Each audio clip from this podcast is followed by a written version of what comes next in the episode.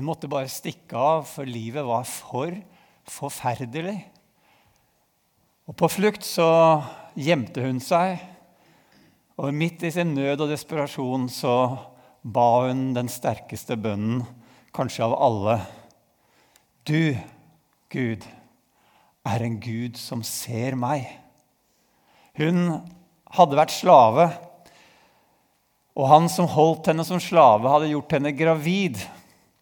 Hun hadde blitt ydmyket, og til, situasjonen hennes var helt, helt forferdelig. Og hun måtte bare stikke unna. Hun måtte bare flykte. Og trøsten hennes var den ene bønnen. Du, Gud, er en Gud som ser meg. Det er en eh, sterk bønn for alle de som har opplevd urett i livet. Den dama som ba denne bønnen, var Hagar, slaven til Abraham. Og Abraham var mannen som hadde gjort henne gravid når han var 85 år gammel. Det er ikke sikkert at Abraham hadde fått jobb i kirka vår. Eller hva tror du?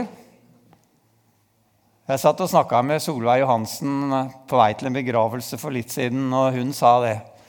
Du vet at, For vi snakket litt om hvordan tingene var litt annerledes. Og så sa hun det at det er ikke sikkert han hadde fått jobb i kirka. Men for alle mennesker som har opplevd nød eller krig eller sult eller overgrep eller urett eller noe som helst som har beveget dem og forårsaka smerte, så er det å bli sett av Gud en enorm trøst. Å forstå at Gud ser våre kamper. Det er en Gud, en Gud som ser meg. Her må jeg bare si at eh, når jeg var liten, jeg tror kanskje jeg var ti år gammel, så satt vi rundt middagsbordet, og vi hadde rester til middag. Og vi hadde fått beskjed at vi fikk to pannekaker hver. Og så var det noen pølser og noen poteter og litt forskjellig. Men pannekakene gikk jo først, selvfølgelig. Eh, elsket jo det overalt på jord. Og så kom lillebroren min og skulle ta sin siste altså pannekake nummer to. Og så var det ikke flere igjen. Da anklaget vi alle storebroren min. Du har jo spist tre pannekaker! Nei, jeg har ikke gjort det, sier han. Og jeg husker det som om det var i går. Vi hadde en stor diskusjon rundt eh, middagsbordet. Og min storebrors fortvilte utsagn ble til slutt når vi kommer til himmelen, skal vi se at jeg bare spiste to! For sånn er det når du blir urettmessig Ja, ja, vi trodde han hadde spist tre, vi, da. Men han mente han var urettmessig anklaget. Da er det trøst å vite at Gud ser. Du vet, Gud, om jeg sitter eller står, bakfra og forfra omgir du meg, snakker vi om i Salme 139. Legger jeg meg i dødsriket, er du der. Jeg kan si, la mørket skjule meg, og lys omkring meg bli natt. Men mørket er ikke mørkt for deg. Natten er lys som dagen. Mørket er som lyset. Gud har enorm omsorg for oss. Og Uansett hvilken situasjon vi er i, så er det nesten alltid noen som har det verre. Her har du en liten gutt. Vi prøver igjen. Her har vi en liten gutt. Faren hans har han nesten aldri sett. Han bor i Ukraina. Og moren hans ble så traumatisert at hun bare reiste. Til slutt så satt han der aleine sammen med to mindre brødre og bestemor. Og det er vanskelig å bo der de bor. De bor rett ved fronten i Ukraina. Og det er vanskelig å finne mat. Det er vanskelig å finne trygghet. Og det er veldig vanskelig. Tirsdag i forrige uke så snakket jeg med en venn av meg. Han drev med matutdeling i, rett ved Kherson i Ukraina. Og Så fortalte han at han hadde stått i en landsby og delt ut mat. Og så hadde han stått og sett på mens rakettene slo ned i nabolandsbyen. Så fortalte han hvor ille det var å oppleve eksplosjonene og ødeleggelsene og alt mulig. Og på telefonen med han så sier jeg, 'Men hvorfor flykter de ikke, da?' 'Runar', sa han, 'du må skjønne én ting. De er for fattige til å flykte.' De har ingenting, og de har ingen steder å reise. De klarer ikke å komme seg unna. Og hvis de har noen ting, så er det kanskje det ene lille huset som de har. Og det er alt de har. Og så er det så vanskelig å forlate det. Kampen for å overleve starta også før krigen. Prøv igjen. Der har vi den. Fattigdommen i Europa, på vårt kontinent, er brutal. Og vi må være veldig forsiktige så ikke vi faller for fristelsen til å bruke Jesus sine egne ord om fattigdommen. Ja, de fattige har vi alltid hos oss. Som om det skulle være deres skyld på noen måte. At alt er deres skyld. At alt er selvforskyldt. Vi er nødt for å la fattigdommen som er på vårt kontinent, få lov å gripe oss. Gripe tak i oss, bevege oss for mennesker som er i sårbare situasjoner. Du er en Gud som ser meg, ba Hagar. Tror du Gud ser nøden på vårt kontinent i dag? Krigen, sulten, nøden. Noen ganger så er det litt eh, ekkelt å tenke på at Gud er en Gud som ser. Særlig hvis jeg har dårlig samvittighet. Som om Gud skulle være en storebror som ser deg, liksom. Et årvåkent øye som ser alle våre feil, og som avslører våre hemmeligheter og våre svik. Og kanskje vår egen egoisme. Men Gud er ikke en fordømmende Gud. Hans blikk har til hensikt å støtte og oppmuntre og hjelpe. Det står i andre krønikebok at Herrens øyne farer over hele jorden, slik at han med sin makt kan hjelpe og støtte den som har et hjerte som er med han. Han ønsker å hjelpe. Men av og til så må vi stille oss et spørsmål. Hva er det vi ser? Hva er det vi ser? Nå har jeg lyst til å vise deg et artig bilde. Hva ser du?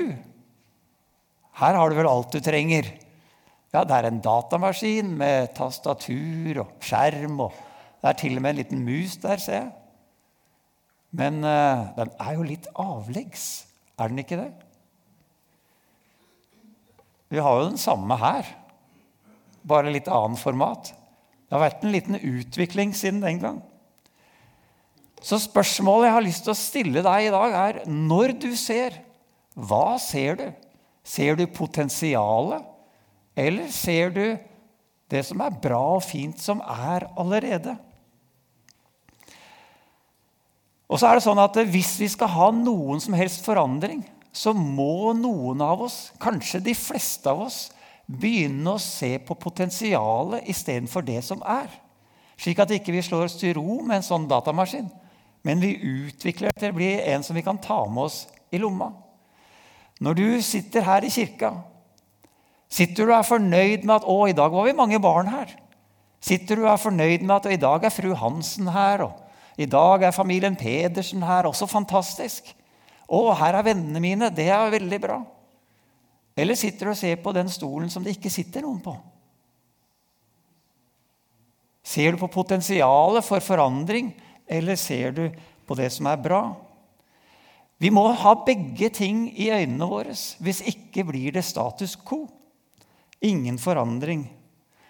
Og Av og til så er det noen som vil ha en forandring, og da blir det opplevd som kritikk av det som eksisterer. Men det må det ikke være. Vi må allikevel ha en sult for det som kommer, det som skal skje i fremtiden. Jeg har lyst til å stille deg et spørsmål.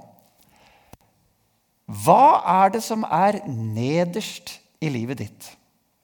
Ja, nå tenker jeg ikke sånn rangert dette er på topp i livet mitt, og så liker jeg mindre og mindre det som kommer nedover.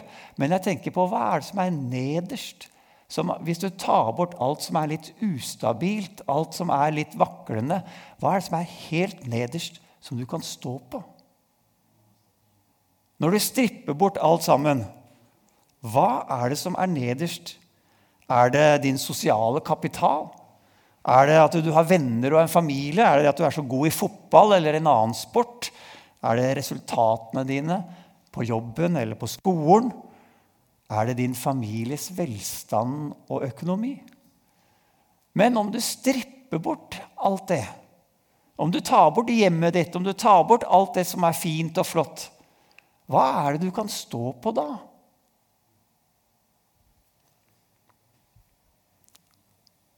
Guds øyne som ser oss, er gode øyne. Det er ikke fordømmende øyne, det er milde øyne som ønsker å se oss og velsigne oss og hjelpe oss. Han er en Gud som ser.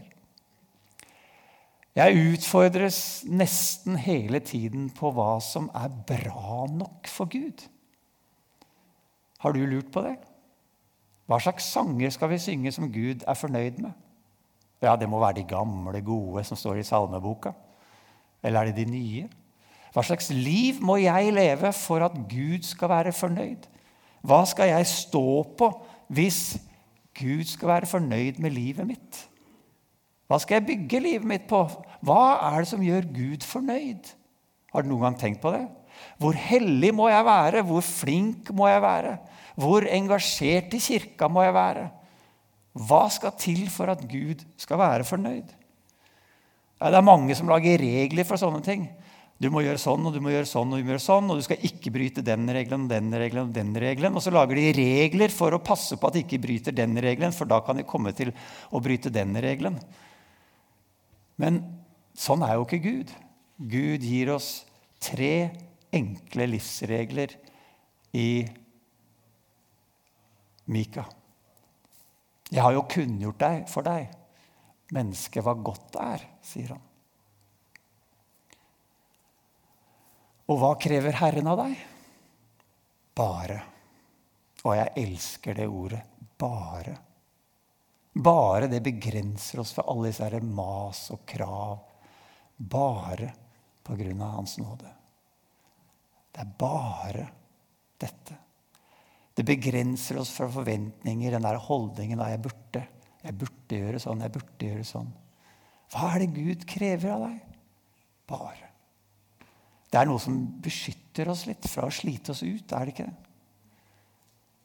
Bare at du gjør rett. Bare at du viser trofast kjærlighet. Bare at du vandrer ydmykt med din Gud. Det er tre linjer. Og de virker ganske skumle og vanskelige, eller hva syns du? La oss starte med det som kanskje er det verste. Den siste. Å vandre ydmykt med din Gud. Hva er det å være ydmyk? Alf Prøysen han snakka om stolthet.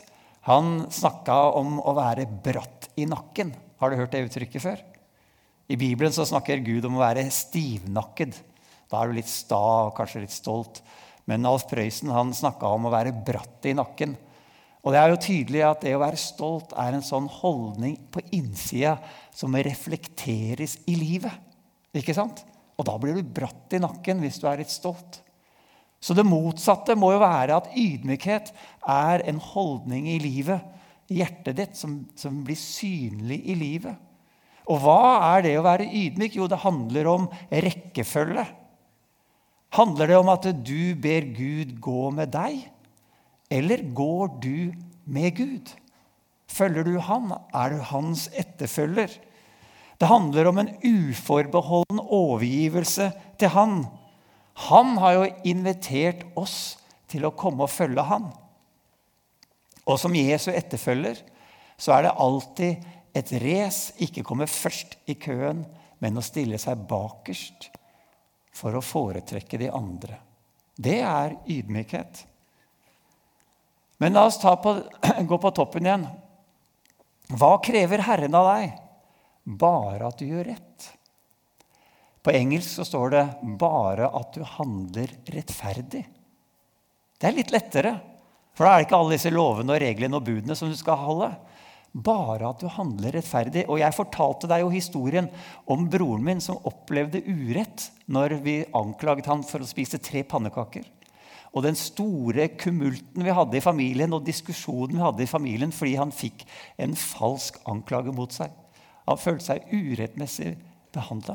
Sånn er vi alle mennesker. Er vi ikke det? At når vi blir gjort urett mot, så er det noe som reiser seg opp på innsida. En slags alarm som går av på innsiden. 'Hei, dette er ikke rettferdig!'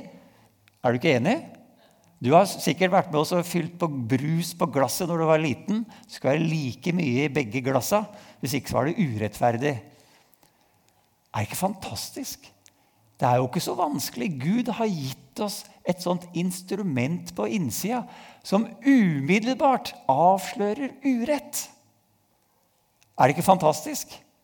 Så det eneste vi trenger å gjøre, er å begynne å bruke den, det instrumentet overfor andre mennesker òg. Når det gjelder urett, ikke bare oss sjøl. Så når vi er på nedsiden, når vi er den som er forulempet, da reagerer vi. La oss bare reagere når andre også blir forulempet. Da handler vi rett. Eller viser trofast kjærlighet. Eller på engelsk så står det faktisk 'elsker barmhjertighet'. Er det litt vanskelig, da? Jeg var i en by, og så gikk jeg forbi en gammel dame. Hun, eh, hun satt på et, eh, ja, en trapp, og så hadde hun tre ting foran seg. Hun hadde en, eh, en, en sånn plastlomme med serviett og en plastgaffel oppi. Sånn som du får når du kjøper en salat eller noe sånt i butikken. Og så hadde hun en viftereim. Jeg vet ikke hva den var til. jeg tror ikke hun visste heller. Og så hadde hun et Nytestamente. Og Som en god prest og levit så gikk jeg forbi to dager, men tredje dagen jeg klarte ikke å gå forbi henne. Og Det regna, og jeg satte meg ned ved siden av henne fant ut at denne gamle dama, denne vevre, gamle dama som ligna på min bestemor, hun satt der og solgte disse tre tingene. En serviett, en Nytestamentet, et Gideon Nytestamentet som jeg vet blir gitt ut gratis til alle andre, men hun prøvde å selge det for å få penger for det, og en viftereim. Jeg spurte hva hun het. Hun het Helena. Hvorfor selger du disse tingene her, da? Huset mitt er ødelagt, sa hun. Jeg må reparere huset. Men hvor, hvor, mye hus får du reparert ved å selge en serviett? Du kommer ikke langt da. Jeg satt sammen med henne en stund, og jeg ba for henne, og hun ba for meg. Og så tømte jeg lommene mine og ga henne det jeg hadde. Det var ikke mye, det var litt over 100 kroner. Og så sa jeg 'Gud velsigne deg', så gikk jeg derifra. Og når jeg gikk derfra, så gikk jeg som, som det var på skyer. Jeg var blitt så glad. Og jeg lurte hva skjedde nå, Runar? Hvorfor er jeg så glad? Jeg, jeg, jeg ga henne 100, ja, nesten 200 kroner. Det var ikke veldig mye penger. Jeg kunne gitt henne ti ganger så mye hvis jeg hadde gått til banken først. Jeg kunne gitt henne 100 ganger så mye hvis jeg hadde gått og tatt opp et lån og gitt til henne. Jeg kunne brukt livet mitt til å prøve å hjelpe huset hennes og fikse huset hennes. Men jeg hadde bare gitt henne et par snaue par hundre kroner, og så var jeg så glad. Jeg skjønte ikke det. Men så ble jeg minna på det av dattera mi. Så skjønte jeg det plutselig. Jeg hadde jo møtt Jesus. I øynene til Helena så hadde jeg møtt Jesus. Fordi det du har gjort mot en av disse mine minste, det har du gjort imot meg, sier han. Det er klart jeg blir glad av å møte Jesus. Og så har Jesus også lært oss at vi mennesker er laget sånn at det er bedre å gi enn å få. Er det ikke det? Det er jo enkelt at vi viser trofast kjærlighet, at vi viser og elsker barmhjertighet. Det er bare å komme i kontakt med de gavene som Gud har lagt ned i oss. At vi kan elske barmhjertighet. At vi kan være med å gi og velsigne og vise barmhjertighet til andre mennesker. Jeg, jeg var og besøkte Nicoletta. Nicoletta var ei jente på tolv år. Hun eh, drømte om, drømmer om å bli frisør. Og jeg fikk lov å komme inn i huset til Nicoletta. Det var litt over tre ganger litt over fire meter stort. Altså kanskje 13 kvadratmeter.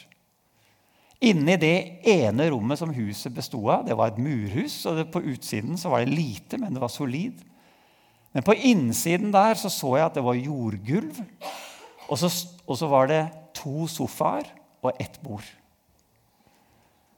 Og I det lille huset så bodde Nicoletta sammen med sine syv andre i familien. Totalt åtte personer.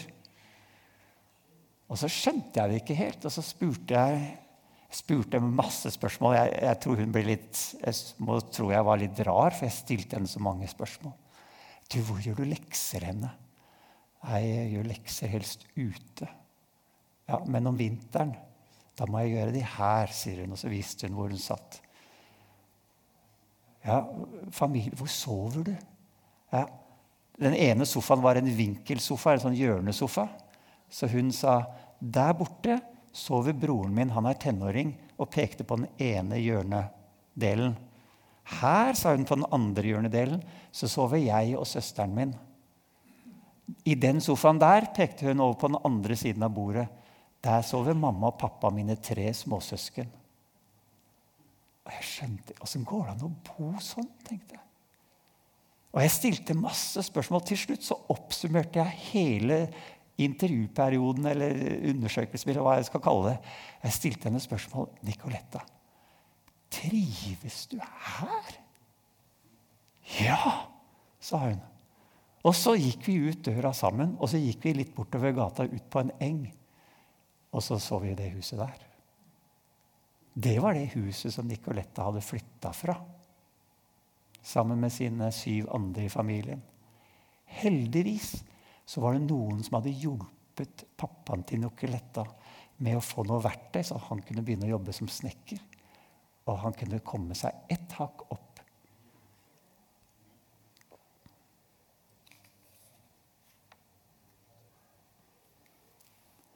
Å ha øyne som ser handler også om å se inn i fremtiden. Og da snakker jeg ikke om å snakke profetisk eller se profetisk.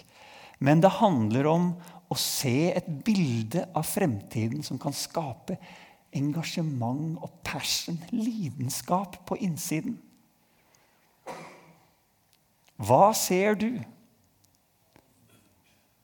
her i ditt nabolag?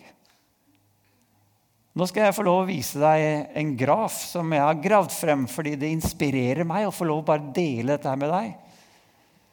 Her ser dere antall barn eller unge som er engasjert i fritidssysler. Og da kan du jo se her at eh, i åttende trinn så er 74-76% av ungdommene de er aktive i noe fritidsprogram. Det kan være trening, det kan være sjakk, det kan være kirke, det kan være hva som helst. Og så ser du her at eh, de som går til kristne, eller la oss kalle det religiøse ting, det er bare 5 og 6 Det er i åttende klasse, begynnelsen av ungdomsskolen. Og så ser du at det er litt flere i niende klasse, for da er det konfirmasjon. Da er det 13 og 15 og Så går det brått ned igjen, og så ser vi at det ligger på 5 og 6%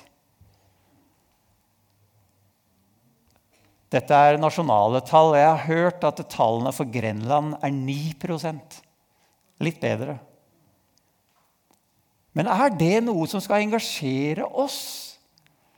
Skal det få lov å bli et syn som vi har mot fremtiden, at dette tallet skal vi forandre? Hadde ikke det vært fantastisk hvis kirkene i Porsgrunn og Skien og Bamble bestemte seg for 9% Det er altfor lite. Vi skal opp på 35, bare for å lage et mål. Skulle ha sagt 100% selvfølgelig, men, men for å jobbe for noe.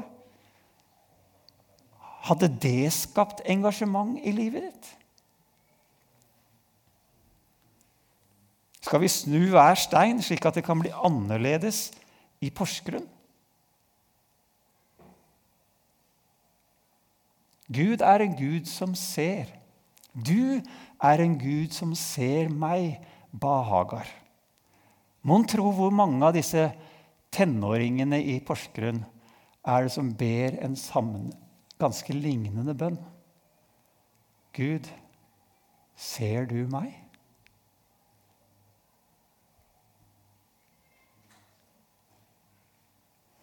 Hvis du er en Gud som ser meg, skal vi være hender og føtter og munn på hans legeme og gripe inn? Gripe inn mot fattigdom og nød? Elske barmhjertighet? Og gripe inn mot ensomhet og nød i vårt eget land? Sørge for at mennesker, unge spesielt, får lov å oppleve Guds omsorg og kjærlighet. Kjære Jesus. Det er mange mennesker som har bedt den bønnen. Vi også kan få lov å be den bønnen. Midt i all vår nød, i vår fortvilelse, i alt det vi kjemper med, så kan vi trøste oss med den bønnen som Hagar ba. Du, Gud, er en Gud som ser meg. Du vet alt jeg går gjennom. Du vet tallet av hår på hodet. Du vet mine kamper. Du vet mine problemer. Og du hjelper. Men Gud, vi ønsker ikke å bare se innover og tenke på oss sjøl. Vi ønsker å se utover og se på Europa og se på vår by. Så ber jeg Gud at du skal velge oss som et verktøy i dine hender til å handle, slik at alle de du ser, opplever seg sett av deg. Jeg ber i Jesu navn. Amen.